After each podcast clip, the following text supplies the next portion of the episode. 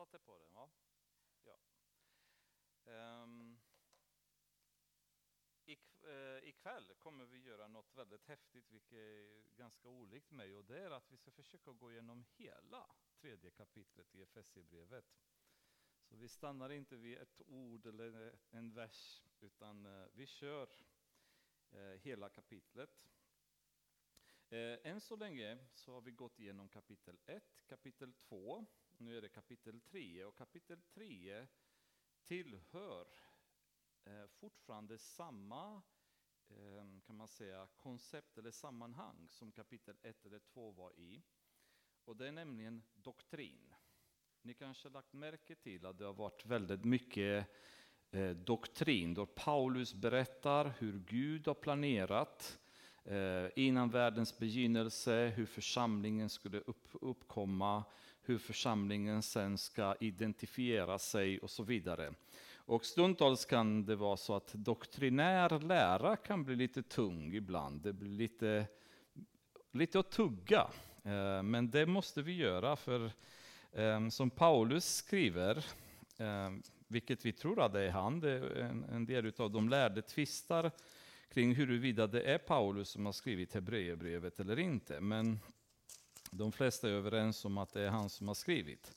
Han skrev något väldigt eh, intressant där som jag tycker eh, berör oss och kan beröra många församlingar i Hebreerbrevet femte kapitlet. skriver han så här. Mm, vi tar eh, vers 11. Eh, om detta har vi mycket att säga som är svårt att förklara eftersom ni har blivit så tröga att lyssna. Till fast ni för länge sedan borde ha varit lärare behöver ni någon som undervisar er igen i de första grunderna av Guds ord. Ni behöver mjölk, inte fast föda. Ingen som lever av mjölk är mogen för en undervisning om rättfärdighet. Han är ännu ett barn. Den fasta födan är till för vuxna, för de som genom övning har fått sinnet skärpt till att skilja mellan gott och ont. Så eh, det här tycker jag är ett, eh, något som bör beröra väldigt många församlingar idag. Eftersom tyvärr så har undervisningen negligerats i väldigt många församlingar. Därför att fokus har många gånger varit att underhålla medlemmarna. Att se till att de är glada och på gott humör när de kommer till gudstjänsterna. Fälla några tårar om det går så att man får lite stämning och sen går man hem och säger vilken underbar gudstjänst det var idag. Och så går år efter år efter år och de är fortfarande på den nivån. De lär sig inget, de växer inget. Och så fort det kommer en text som är lite svårare så, så blockerar, sin, eh, blockerar sig hjärnan och kan inte bearbeta de texterna, kan inte bearbeta hur man ska gå vidare. Och det är de människorna oftast som är lätt byte för djävulen och för olika eh, vindar av doktriner eller lärosatser som dyker upp i församlingarna. Och rätt vad det är så ser man att nu har de glidit iväg från församlingen, hamnat både till höger och vänster.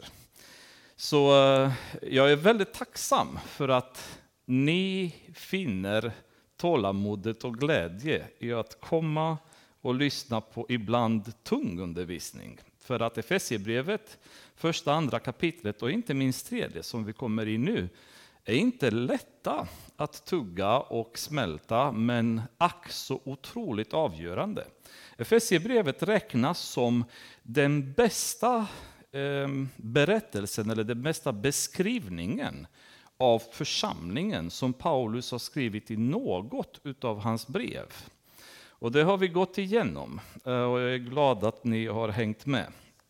Och, um. I början, i första kapitlet, mellan vers 15 och 23, så inleder Paulus med en bön. Och det som är intressant, vi tänker återigen, som jag sa förut, verser, kapitlar, men så har inte Bibeln skrivits ursprungligen. Det här är ett brev som Paulus har skrivit. Så för att vi ska förstå lite bättre hans tankegång, så kan vi föreställa oss att efter första kapitel, vers 23. Och andra kapitlet, vers 22. Så ska det finnas en parentes. Så Paulus börjar be i första kapitlet och vers 15-23 inleder han sin bön. Sen gör han en väldigt stor parentes. Och kapitel 3 nu så fortsätter han i bönen som man påbörjar i första kapitlet. Och därför kan det vara lite konstigt när man ser hur han inleder tredje kapitlet, om man inte förstår att det han har gjort däremellan är en stor, väldigt, väldigt stor parentes. Därför böjer jag, Paulus, mina knän. Jag som är Kristi Jesu fånge för er skull, ni hedningar. Ni har ju hört om det uppdrag som Gud i sin nåd gav mig med tanke på er. Hur jag genom en uppenbarelse lärde känna hemligheten så som jag redan i korthet har skrivit. Därför böjer jag Paulus mina knän.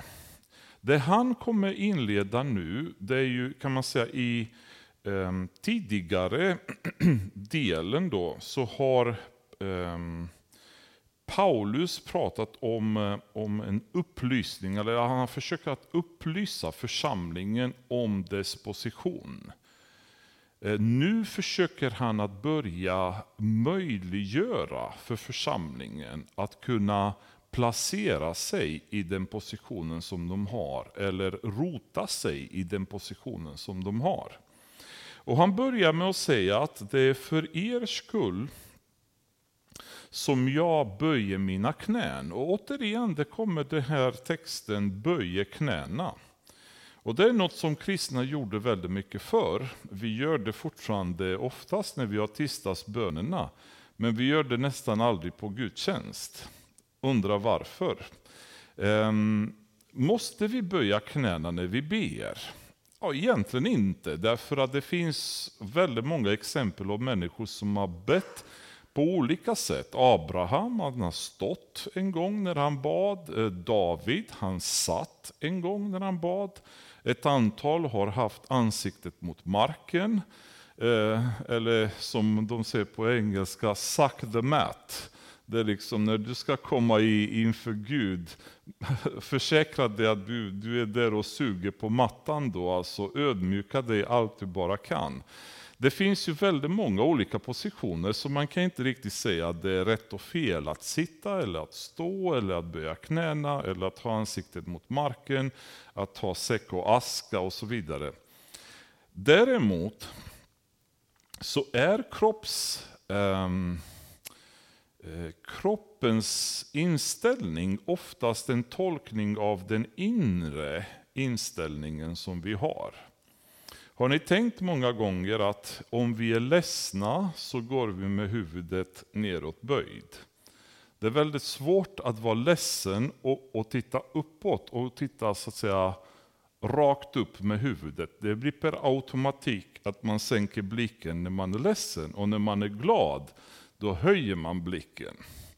Eh, när, när vi är på gott humör så, så lyfts blicken, när vi är ledsna så sänks blicken. Och kroppen talar om för omgivningen vilket, vilken själslig situation som vi befinner oss i. Paulus böjer knäna i det här läget då. Och det talar om för dem i Efesus hur mycket han känner för deras situation just nu. Han böjer knäna inför Gud. Och nu får ni tänka också dessutom att han i det här läget är i fängelse i Rom, fastkedjad till en romersk soldat.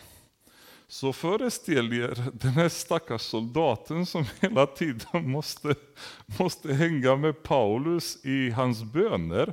För han bryr sig inte om han har en soldat bredvid sig, han böjer knäna med det här vittnesbördet som han, sa runt, han har runt omkring sig, därför att han verkligen är bekymrad och vill försäkra sig att de i Efesus verkligen är med och förstår vad Gud har att säga till dem.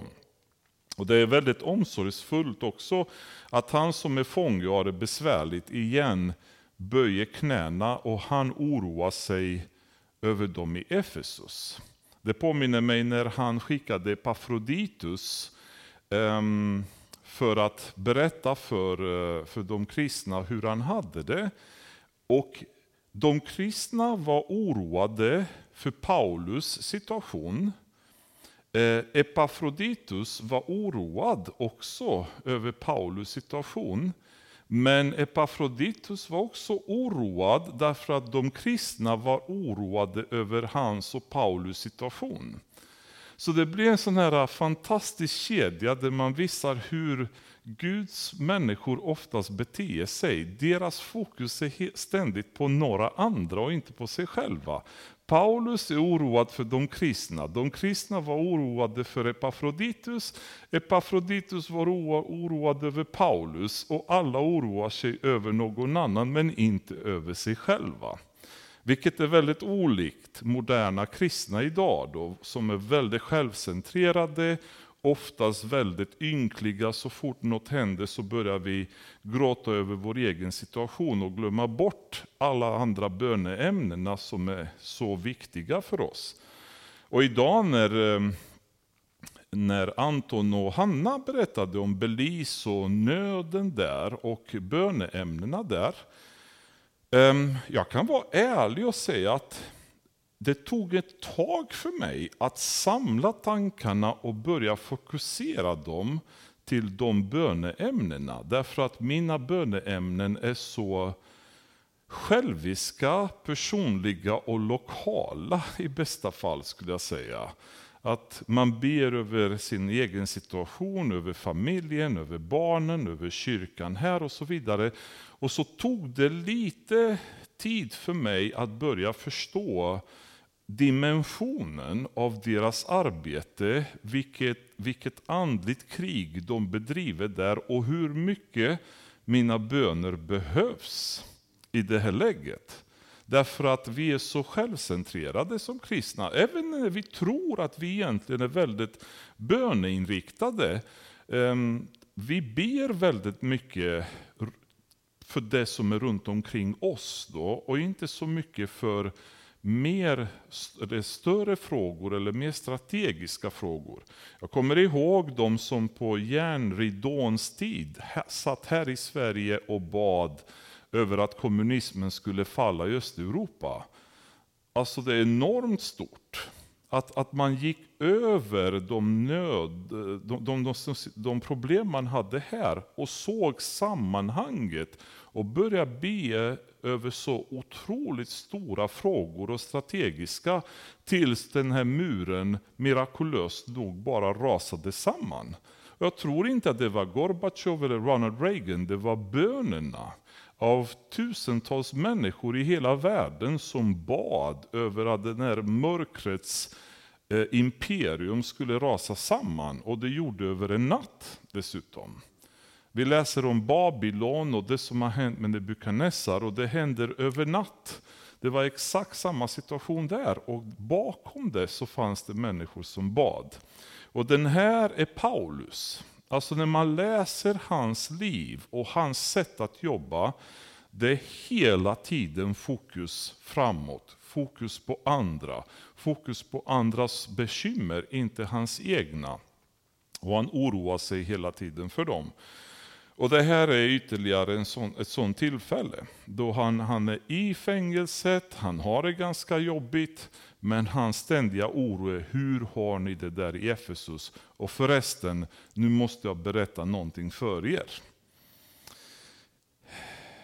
Ni har ju hört om det uppdrag som Gud i sin nåd gav mig med tanke på er. Ni kommer ihåg att även i första kapitlet berättade han att det är Gud som har kallat mig som apostel. Och nu upprepar han det här. Det här uppdraget jag har fått kommer från Gud.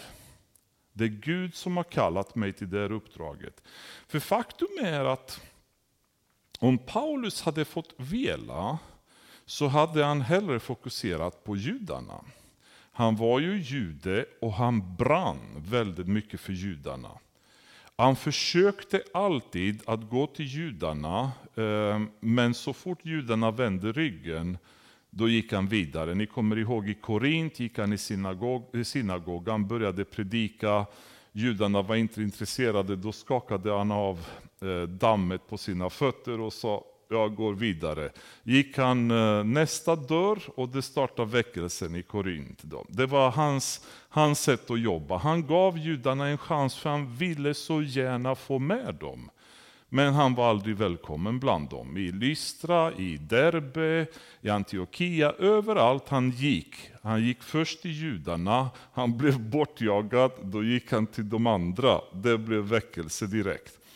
Men han till slut så förstår att han har blivit kallad till att bli de hedniska, eller hedni, hed, um, hedningarnas apostel.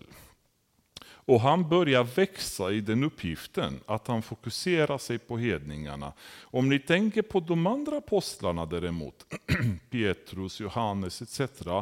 De var fortfarande nästan uteslutande aktiva bland judarna. Medan Paulus, han har dragit igång på egen hand, tar missionärsresa efter missionärsresa och fokus är hedningarna. Och nu säger han, det är för er skull, ni hedningar. Ni har hört om det uppdrag som Gud i sin nåd gav mig med tanke på er, hur jag genom en uppenbarelse lärde känna hemligheten, så som redan i korthet har skrivit. Och nu kommer vi mellan vers säg 3 och vers 10. Det här är det här är magnifikt. Och, och det, det, går inte att betona tillräckligt vad det står i de här verserna. När ni läser detta kan ni förstå vilken insikt jag har i Kristi hemlighet. I tidigare släktled har den inte avslöjats för människor så som det nu genom anden har uppenbarats för hans heliga apostlar och profeter. Den innebär att hedningarna i Kristus Jesus och genom hans evangelium är våra medarvingar och tillhör samma kropp som vi och har del i samma löfte. Och detta evangelium har jag blivit satt till att känna i kraft av den gåva och den nåd som Gud har gett mig genom sin mäktiga kraft. Jag, den ringaste av alla heliga, har fått denna nåd att bland hedningarna predika evangeliet om Kristi outgrundliga rikedom och att upplysa alla om hur den hemlighet förvaltas som från evighet har varit dold i Gud, alltings skapare. Så skulle Guds vishet i sin mångfald nu genom församlingen göras känd för härskarna och väldigheterna i den himmelska världen. Det här är ju så häftigt som man får gåshud egentligen. Vad Paulus säger här, eller innan, han, innan vi tar reda på vad han säger, låt oss få lite sammanhang först. I Gamla Testamentet så pratades alltid om två typer av folk.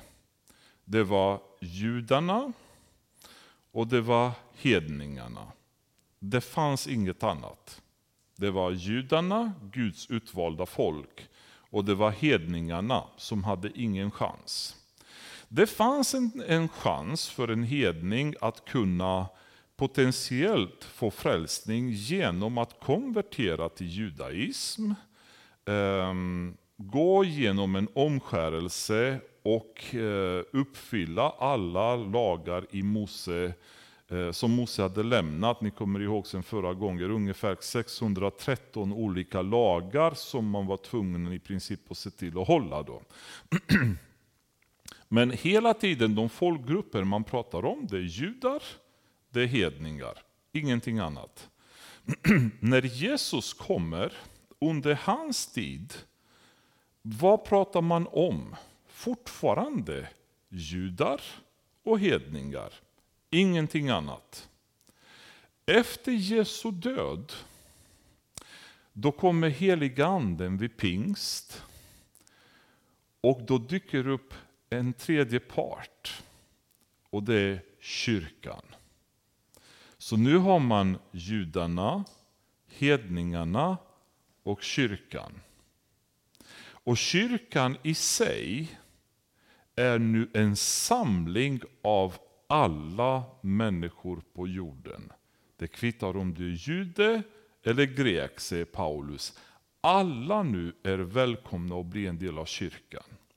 När kyrkan kommer att uppryckas, när Jesus kallar oss hem, den här tredje organisationen som är idag, eller den tredje parten som är kyrkan, kommer återigen försvinna. Och efter kyrkans uppryckning, det man kommer ha kvar på jorden, det är samma situation som innan kyrkans uppkomst, det vill säga judarna och hedningarna. Det Paulus säger är att nu, i och med Jesu död och Jesu ankomst och heligandens ehm, eh, så att säga, ankomst på jorden. Alla som tror på Jesus blir en del av kyrkan, som blir nu huvudspelare i den här tre folkgruppen, om man kan kalla så. Och i denna kyrka så är det ingen skillnad längre mellan jude och hedning, eller jude och grek. Och detta är fullständigt otänkbart för en jude som är vuxen. Alltså han, han har gått igenom hela gamla testamentet och han vet att för att kunna bli det så måste du göra så. Och Paulus säger nej, det är över. Hedningar är på lika villkor nu en del av kyrkan. Och ni judar är nu en del av kyrkan. Och i den här kyrkan så är det ingen tal om jude eller grek längre. Utan nu är det Guds barn. Och det här konceptet är så otroligt skakande. Och, och vårt fokus är hela tiden på judarna, för vi tänker att Ja, det är klart att det är jobbigt för dem att förstå detta. Men ni måste förstå varför det är så jobbigt. För det är inte bara så att judarna inte visste någonting om det. Det är faktiskt så att ingen visste någonting om det, utom Gud. Den här har varit en precis lika stor chock för alla änglar och alla demoner med Satan framför dem. Därför att ingen utav dem visste någonting om Guds plan. Ni kommer ihåg när djävulen försökte att, frälsa, att, att fresta Jesus. Han inledde sin kampanj för att fördärva Guds plan. I det här läget, vem var Jesus? Vem trodde folk Jesus var? Folk trodde att Jesus var kungen som skulle rädda Israel, som är Guds folk, ur romarnas eh, förtryck. Han kommer vara den kung som kommer att, att instaurera Guds rike bland judarna. Och jag är helt övertygad till 100% att det är precis det djävulen var fullt medveten om att Jesus skulle göra. Han skulle komma och bli judarnas kung. Och djävulen fokuserar hela sin energi på att döda Jesus. Vilket han lyckas med. Men i det han lyckas så misslyckas han totalt. Därför att Gud hade en S uppför ärmen.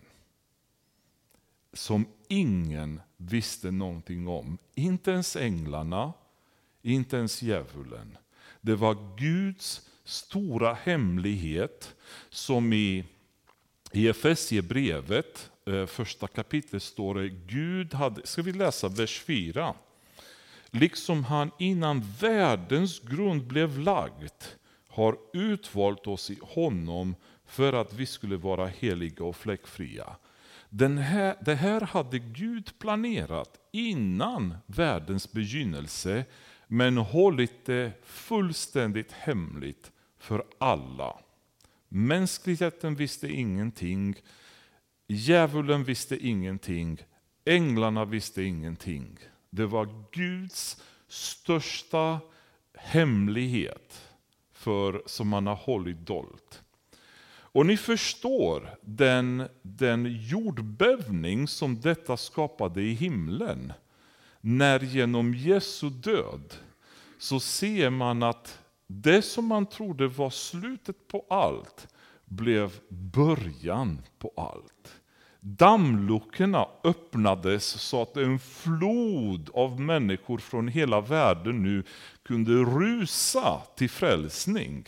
Människor som hade varit döda, utestängda, böjda i sina synder och förtryckta där i synd.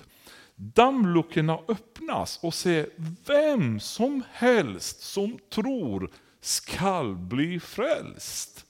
Och alla säger what? Människor, änglar, demoner, alla står som frågetecken och säger va? Vad är det som händer? Vad är det som händer? Och judarna fattar ingenting, apostlarna fattar ingenting. Alla står och undrar vad är det som händer?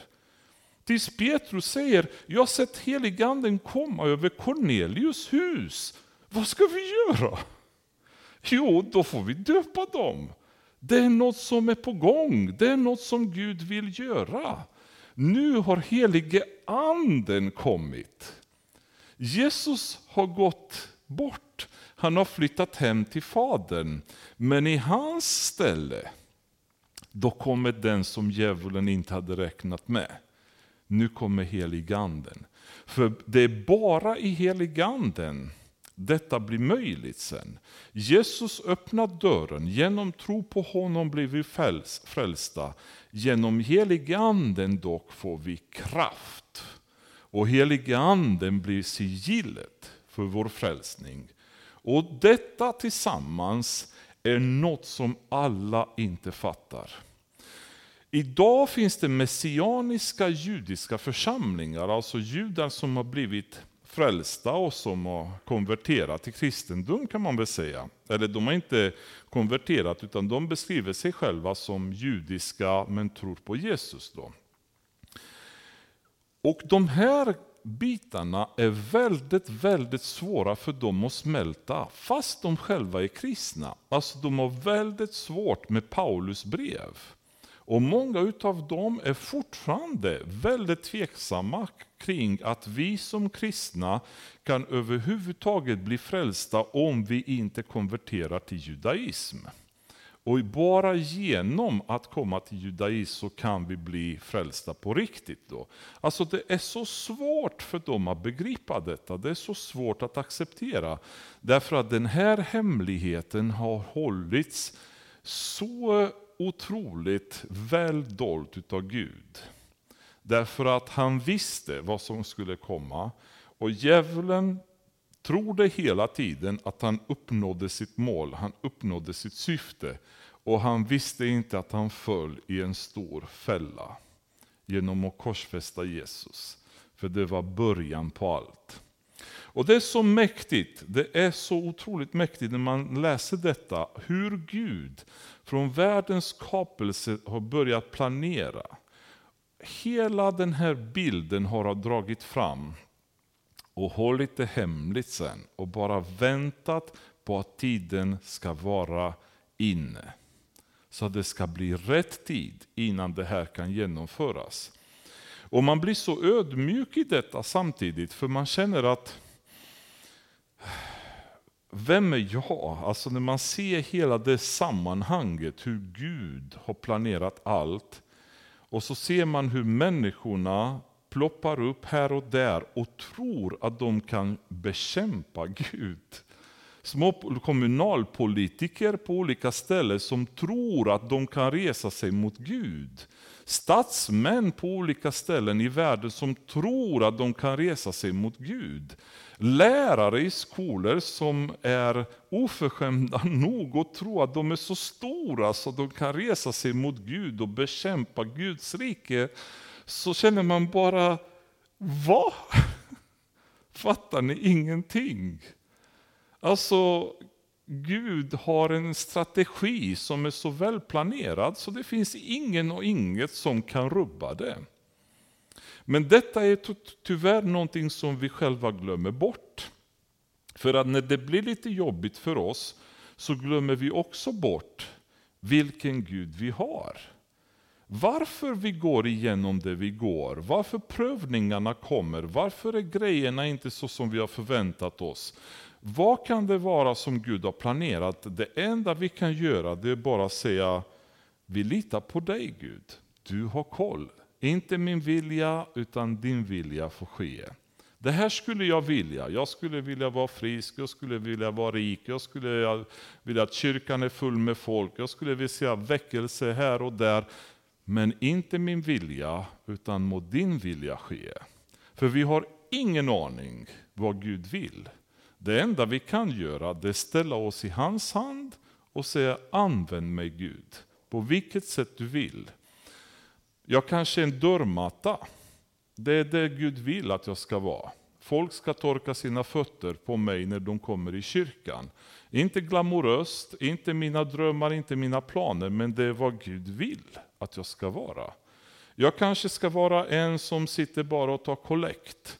Jag kanske ska vara en som pratar men ingen lyssnar på. Jag kanske ska vara en som, som predikar och folk skrattar åt. Jag kanske ska vara en som sjunger men ingen tycker att jag sjunger så bra. Jag kanske ska vara en som bara hjälper till och diskar, etc. Ingen aning. Men det enda jag kan göra är att säga, inte min vilja, men må din vilja ske. För vem är jag och sätta mig framför Gud och börja ifrågasätta saker när jag ser detta. Alltså vilken otrolig plan han utvecklar och hur han har jobbat hela vägen. Och på vägen så ser vi hur många som har försökt att bryta den här planen. Hur många försök har gjorts i gamla testamentet att utrota judarna. Ni kommer ihåg eh, eh, egyptierna, ni kommer ihåg babylonierna, flera, flera tillfällen då människor har gjort allt de har kunnat för att utrota dem. Det har inte gått. Varför? Därför att Gud hade planerat allt. De hade ingen aning vad han hade planerat. De trodde de visste, de trodde de kunde stoppa honom. Och det står på ett ställe hur Gud skrattar åt dessa människor. Det måste vara roligt för honom att se de här små maskarna som poppar upp sina bröst på, på jorden och säger nu ska vi bekämpa Gud. Lycka till, känner man bara. Men det här är ju liksom en av de absolut mest magnifika texterna i Bibeln som berättar om församlingens hemlighet.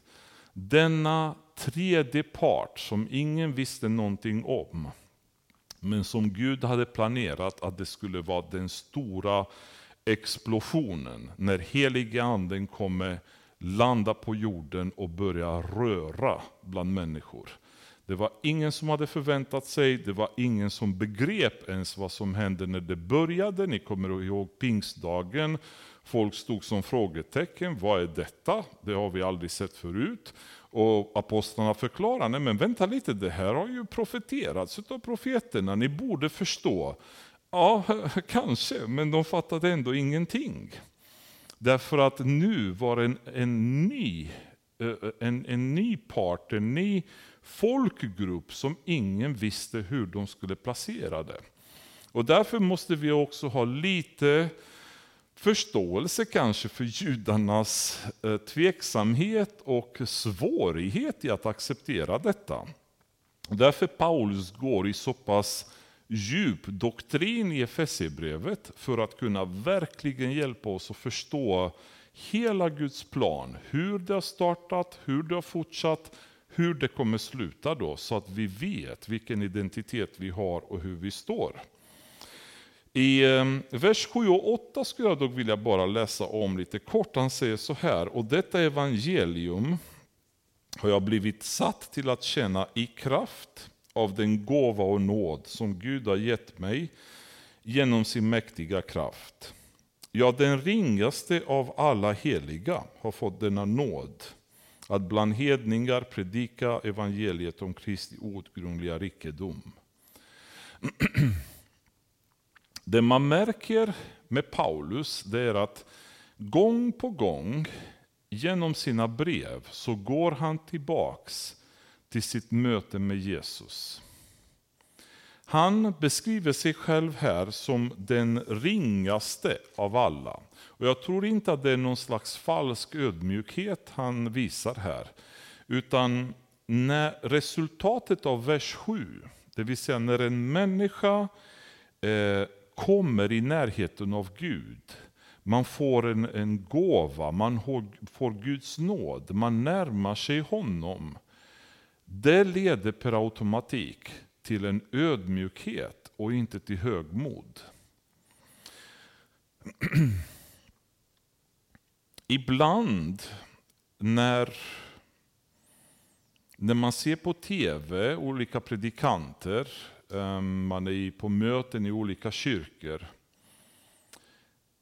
Jag kan inte undvika att lägga märke till många gånger hur högmodiga vissa beter sig från predikostolen när de står framme.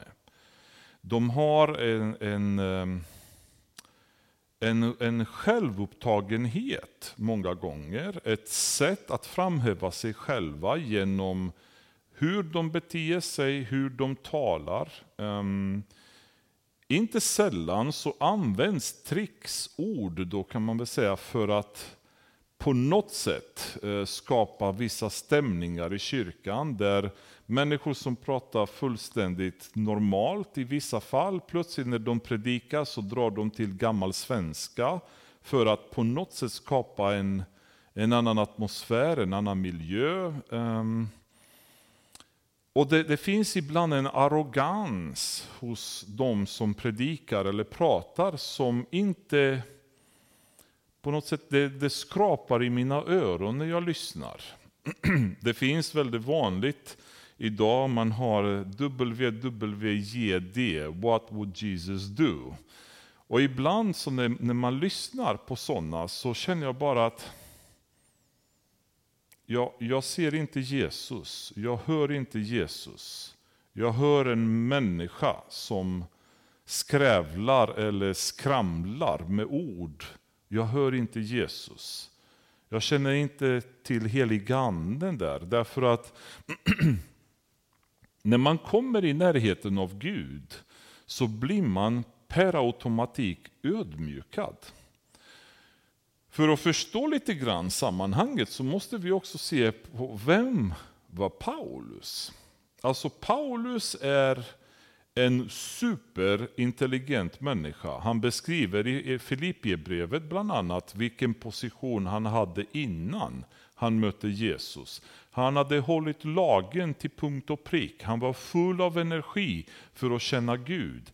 Han gjorde allting rätt enligt lagen. Han hade lärt sig, eller gått i skola vid Gamaliels fötter, som var en av de stora eh, så att säga, lärarna på den tiden. Och jag är fullt övertygad om att om inte Paulus hade varit kristen, eller hade blivit kristen, så hade vi läst om honom i skolan. Precis som vi läser om olika antika filosofer som ges som exempel för oss. Han var oerhört intelligent. Eh, en, en människa av rang kan man säga bland de lärda. Men en dag när han är ute för att göra sitt jobb så ropar någon på honom och säger eh, Saul, Saul, varför förföljer du mig? Och han bryter ihop. För i ett ögonblick med Jesus så blir fullständigt hela hans personlighet avslöjad. Och han ramlar ner. Han förstår vem han är. Han förstår vad han gör. Och därefter så är hans liv fullständigt förvandlat. Han blir en ödmjuk, han blir en bespottad människa, han blir en förföljd människa. Han tar stryk och han reser sig och tar mer stryk och reser sig. Och han kämpar inte och han slår inte tillbaka. Han kämpar hårt, han syr sina egna tält. Alltså fatta en superlärd människa som går omkring och syr tält för att överleva. Därför att i honom fanns det inte ett uns av högmod kvar efter mötet med Jesus. Och när jag ser ibland mig själv och många andra hur man beter sig i församlingen och i övrigt så kan man undra, har vi överhuvudtaget ens mött Jesus? För om vi har gjort det, hur kan vi fortsätta att bete oss så som vi gör? Hur äkta har det här mötet egentligen varit med Jesus när vi är fortsatt fyllda av högmod och självupptagenhet? Hur äkta är det här mötet egentligen? Och Det är en fråga som vi får ställa oss själva. Eh, för det, det känns som att när Paulus har mött honom så blir han så pass ödmjuk så att han ser sig själv som den ringaste bland alla. Och han var den mest lärda utav dem, andra var fiskare. De hade ingen koll på lärdomar så som han hade. Men han upplever sig på riktigt som den ringaste av dem alla. Och oftast det, detta därför att han tillägger ibland att det är han som har förföljt Jesus. Då. Det där kan, kan, kunde han inte släppa att jag har förföljt Jesus och Guds folk. Jag förtjänar inget. Han är så, så övertygad om, och, och över sin position i Jesus så han, han, kan inte ens se på sig själv knappast. Och Det är jättespännande att se hur en människa blir när man på riktigt möter Jesus. Vers 11. Ehm, detta var det eviga beslut som han utförde i Kristus Jesus, vår Herre. I honom och genom tron på honom kan vi frimodigt och med tillförsikt träda fram inför Gud. Därför ber jag er att inte tappa modet när jag lider för er skull. Att jag lider är ju en ära för er. Så vers 11 och 12, det säger eh, Paulus väldigt tydligt att eh, genom tro nu, genom enkelhetens tro, eh, den här hemligheten tillåter oss nu att bli en del av Jesu kropp genom att tro på honom. Det enklaste möjliga som vi kan göra. Och i den tron så kan vi frimodigt och med tillförsikt träda fram inför Gud. Därför att nu finns det ingen mer begränsning. I Gamla Testamentet så kunde man inte träda fram inför Gud. Ni kommer ihåg vid Sionberget, Ehm, vid Sinaiberget, när Mose skulle möta Gud och Guds närvaro sänkte sig över berget, så började folk skrika liksom, eh, gå du där Mose och prata med honom, låt oss få vara i fred. Och de bara sprang därifrån. Det gick inte att möta Gud. Hur som helst och vem som helst. Det var översteprästen som fick gå en gång om året i det allra heligaste och ta med folkets Eh, synder inför Gud och presentera dem. Folket hade inget tillträde inför Gud. Det var ju reserverat eh, väldigt fåtal människor genom hela Bibeln som har fått lov att komma närmare Gud. Men Paulus säger att nu har vi tillträde. Och Det är också något väldigt nytt för judarna. De är ju uppväxta med det här att jag, jag får inte gå dit. Det där är bara översteprästen. Och Paulus säger, nu är det bara fritt fram för er att be. Förut fick man ta med sina böner och presentera dem och översteprästen gick upp och tog allting och, och, och framlade inför Gud. Nu säger Paulus, varsågod, dörren är öppen. med tillförsikt och med frimodighet, sök Herren. Det är fritt fram nu för er att göra. Ni kan träda fram inför Gud. Och därför ber jag er att inte tappa modet när jag lider för er skull. Det, är liksom, det här är inget problem, det är ju bara som det ska vara. Att jag lider är ju en ära för er. Vers 14. Därför böjer jag mina knän för Fadern, han från vilken allt vad Fader heter i himlen och på jorden har sitt namn. Jag ber att han i sin härlighets rikedom skall ge kraft och styrka åt er inre människa genom sin ande.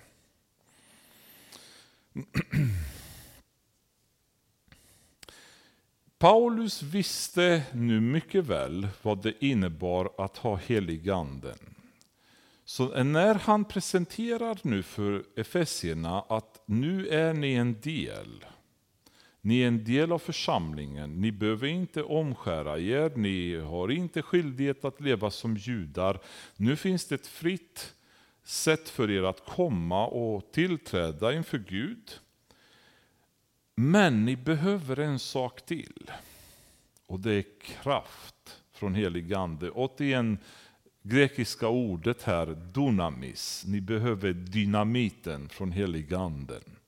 Och där böja mina knän inför Fadern i bön för er för att ni ska få den här heliga, heliga andes kraften.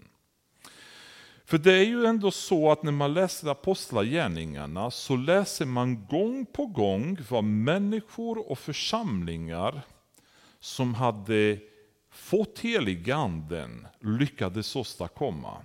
Vilka väckelser, vilka händelser som de gick igenom, vilka möten de lyckades ha tack vare heligandens kraft. Faktum är att i hela apostlagärningarna så nämns helige anden 59 gånger, vilket är en kvart utav alla gånger där helige anden nämns i hela nya testamentet. Så 25 procent av alla situationer och alla fall då heliganden nämns i apostlagärningarna. Och vad händer då? när heliganden dyker upp så många gånger i Apostlagärningarna, ja det ser ni själva hur på några år det blev väckelse i Jerusalem, i Samaria och till hela världen. Bortåt Rom och Grekland och alla möjliga ställen, Cypern, bortåt Damaskus. Eh, Thomas drog bort till Indien, någon drog till Somalia och så vidare. Alltså det blev en väckelse utan dess like när 59 gånger heliganden nämns eller dyker upp i olika sammanhang. Och vad Paulus säger nu, jag skulle också nu vilja att ni upplever den här kraften. Någon sa en gång att om helige anden skulle tas bort från världen av Gud idag, så sa han, är min starka övertygelse att de flesta kristna skulle fortsätta att leva precis så som de gör.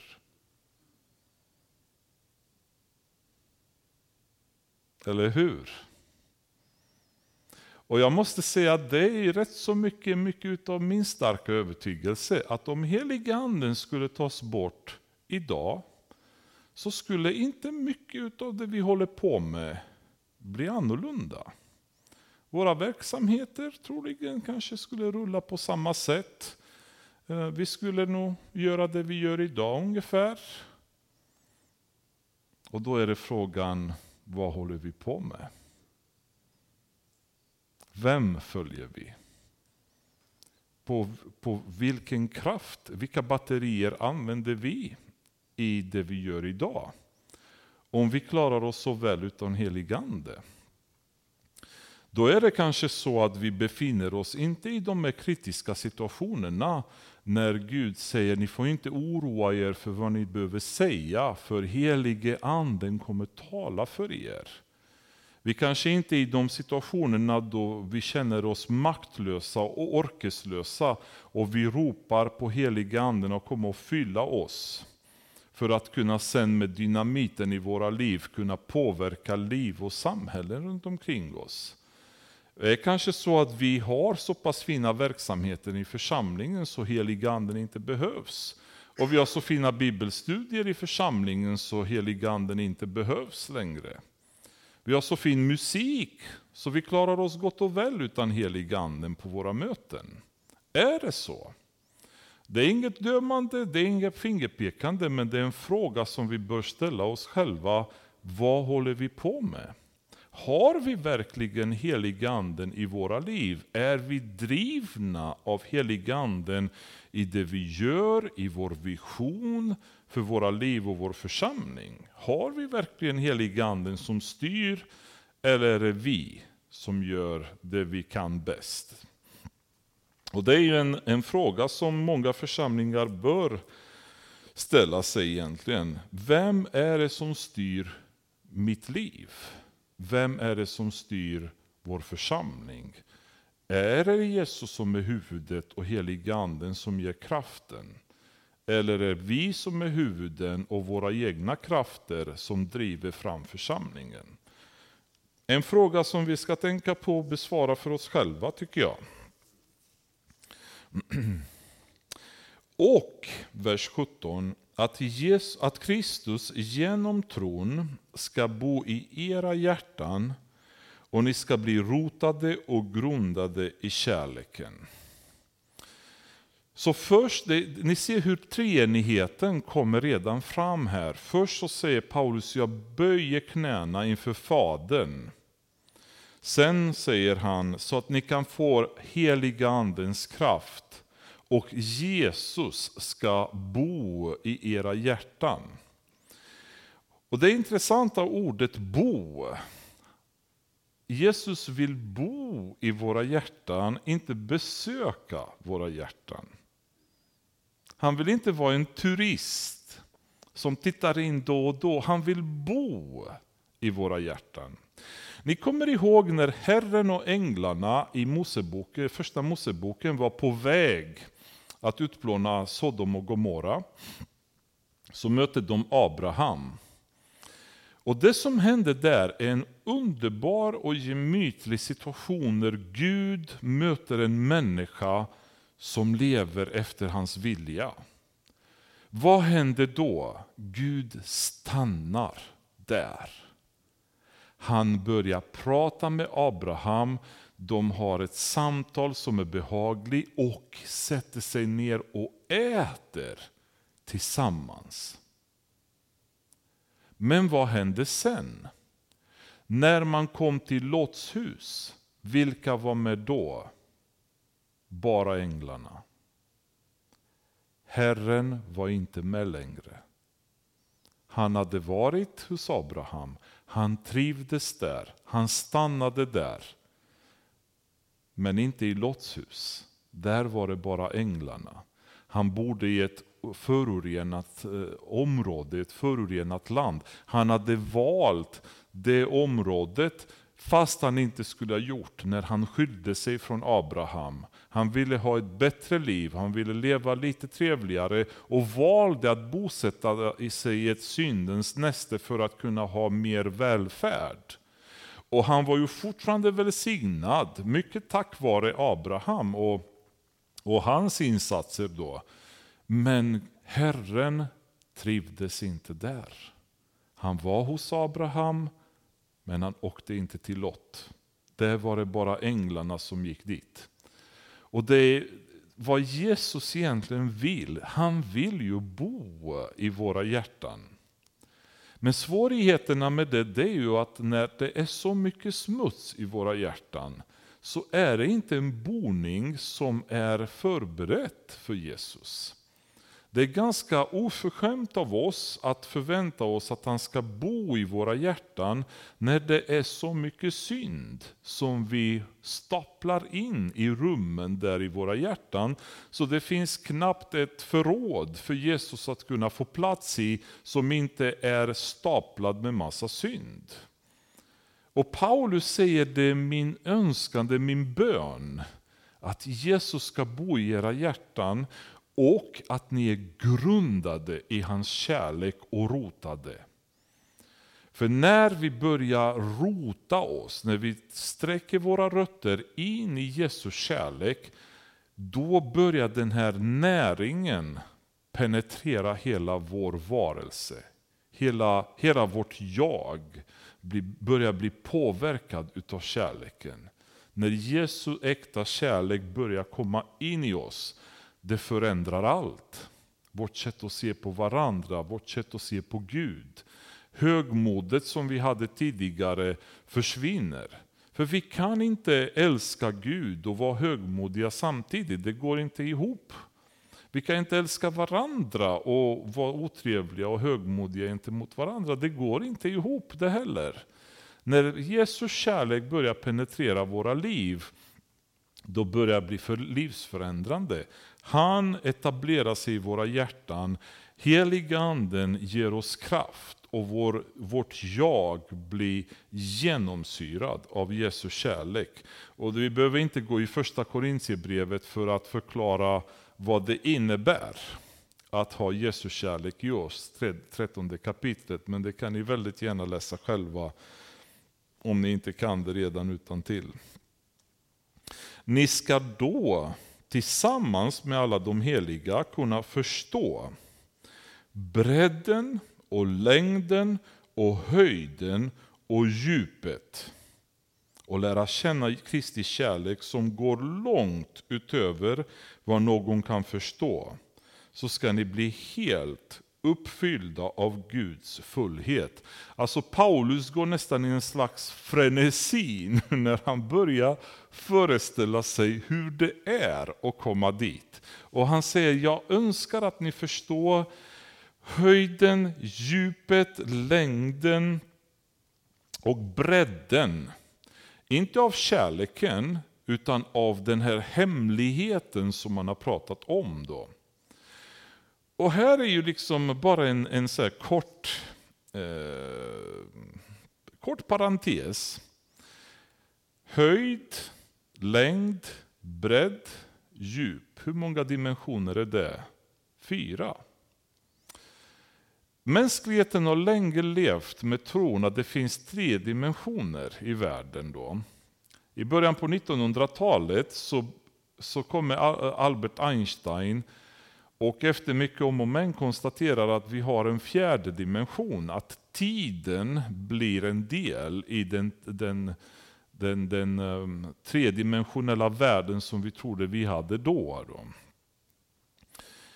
Och det är väldigt intressant för att um, i den vevan då, så, framåt 1900 53 tror jag det var ett gäng fysiker som kom på att det finns inte fyra dimensioner utan finns egentligen tio dimensioner varav fyra är nåbara eller kännbara och resterande går inte att se eller känna på samma sätt. Då.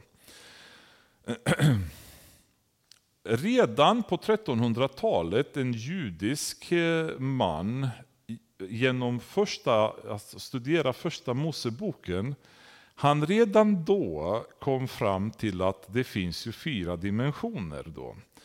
Det tog mänskligheten många, många år och många miljoner dollar för att ta reda på samma sak som Gud egentligen hade sagt i första Moseboken, att det finns de här fyra kända dimensionerna. Och Paulus, jag tror inte att han tänkte som en fysiker här, men det är bara en rolig grej att han tar upp de här liksom längd, höjd, bredd och djup. Alltså de är totala förståelse av vad Gud har gjort. Den här eh, enorma skapelsen, den här enorma hemligheten då, vad han har, vad han har tänkt och gjort. Och dessutom så, så kan han inte han kan liksom inte hålla sin beskrivning på någon vettig nivå mänskligt sett, utan han fortsätter att säga och lära känna Kristi kärlek som går långt utöver vad någon kan förstå. Och Det här är en väldigt olycklig översättning, för att på engelska det står above and beyond. Alltså mycket, mycket högre. På, på grekiska är ett ord som sammanfattar också väldigt väl det här att det är inte bara att långt utöver, utan det är mycket längre än vad ni kan långt utöver tänka er. Ungefär, alltså det, är bara, det går inte så att tänka, säger han. Så stor är Kristi kärlek. Så stor är Kristi kärlek för oss. Och det går inte att föreställa sig, bara det faktum att han har velat dö för oss, för oss att Gud har låtit Jesus dö för, för oss, är ju så ett enormt bevis av kärlek så det går inte att begripa hur har han kunnat göra det. Speciellt med tanke på hur vi var på den tiden och betedde oss som människor då. Han som förmår göra långt mer än allt vi ber om eller tänker genom den kraft som mäktigt verkar i oss. Alltså, det här är liksom som man säger, det här är er position i Jesus. Eh, kan ni förstå? Nej. Bara en sån grej som det står i vers, vers 19, det är, det är en paradox egentligen uppfyllda av all Guds fullhet. Hur kan vi ens bli uppfyllda av Guds fullhet? Alltså det, det går ju inte ens, känner man, att komma ens i närheten. Ändå så säger Paulus, det är min önskan för er. Att ni förstår detta och att ni blir uppfyllda av kärleken och Guds fullhet som förmår göra långt mer än allt allt vi ber om eller tänker genom den kraft som mäktigt verkar i oss. Honom tillhör äran i församlingen och i Kristus Jesus genom alla släktled i evighetens evighet. Han bara, han bara, bara tappar och börjar prisa Gud i princip i slutet på allting, för han blir bara så uppfylld han, han, han liksom förklarar hur viktigt det är att vi är rotade och förankrade i Jesus. Det är ju ändå så att om man tänker att vi har väldigt stora önskemål och planer för våra liv och för vår församling. Vi ber om väckelse till exempel. Vi vill se människor strömma till Herren. Vi vill se saker hända. Vi vill se heliganden verka genom våra samhällen och så vidare. Men det vi glömmer bort ibland är att ju högre byggnaden blir, desto djupare måste fundamentet vara. Så om vi har så stora drömmar och önskemål kring vad vi vill göra, hur vi vill växa, vad vi vill bygga, hur många människor som ska bli frälsta. Då säger Paulus att då måste vi börja jobba på fundamentet, börja rota oss rätt i Jesu kärlek. För utan det så kan vi ingenting, säger återigen Korintierbrevet 13. Då då är bara en klingande symbol som är irriterande och skrävlande och skrapande i öronen på våra grannar när vi försöker att låtsas predika evangeliet för dem och det bara skrapar på deras hjärna tomma, irriterande ord. Jesus säger, rota er i Jesu kärlek. Gå ner, bli grundade, få en, en, en stabil, ett stabilt fundament då kan ni börja bygga. Och vad har ni tillgång till för att göra det? Då är det helige andens dynamit.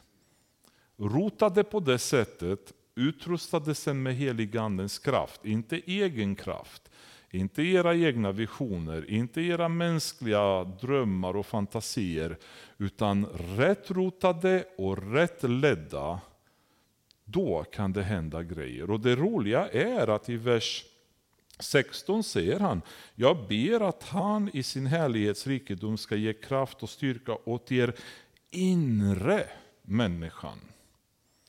Det där, inre människan ber han för, inte yttre. Han bryr sig inte om att ni i Efesus ska ha mat på bordet och så vidare, eller att jag ska ha det bra i Rom. Han, är, han säger det där, inre människan. Där vill jag se förändring, där vill jag se tillväxt. Och det är så fantastiskt avslut tycker jag på den doktrinära biten av Efesiebrevet. Från och med fjärde kapitlet då kommer vi den praktiska delen av Efesiebrevet. Där han börjar uppmana oss hur vi ska leva, vad vi ska göra, hur vi ska tackla olika situationer. Nu har han haft tre kapitel av att förklara vad är församlingen i Jesus. I Kristus, Jesus som är nyckelordet hela tiden. Det är det han har gjort och det är en väldigt mäktig beskrivning och mäktig förklaring.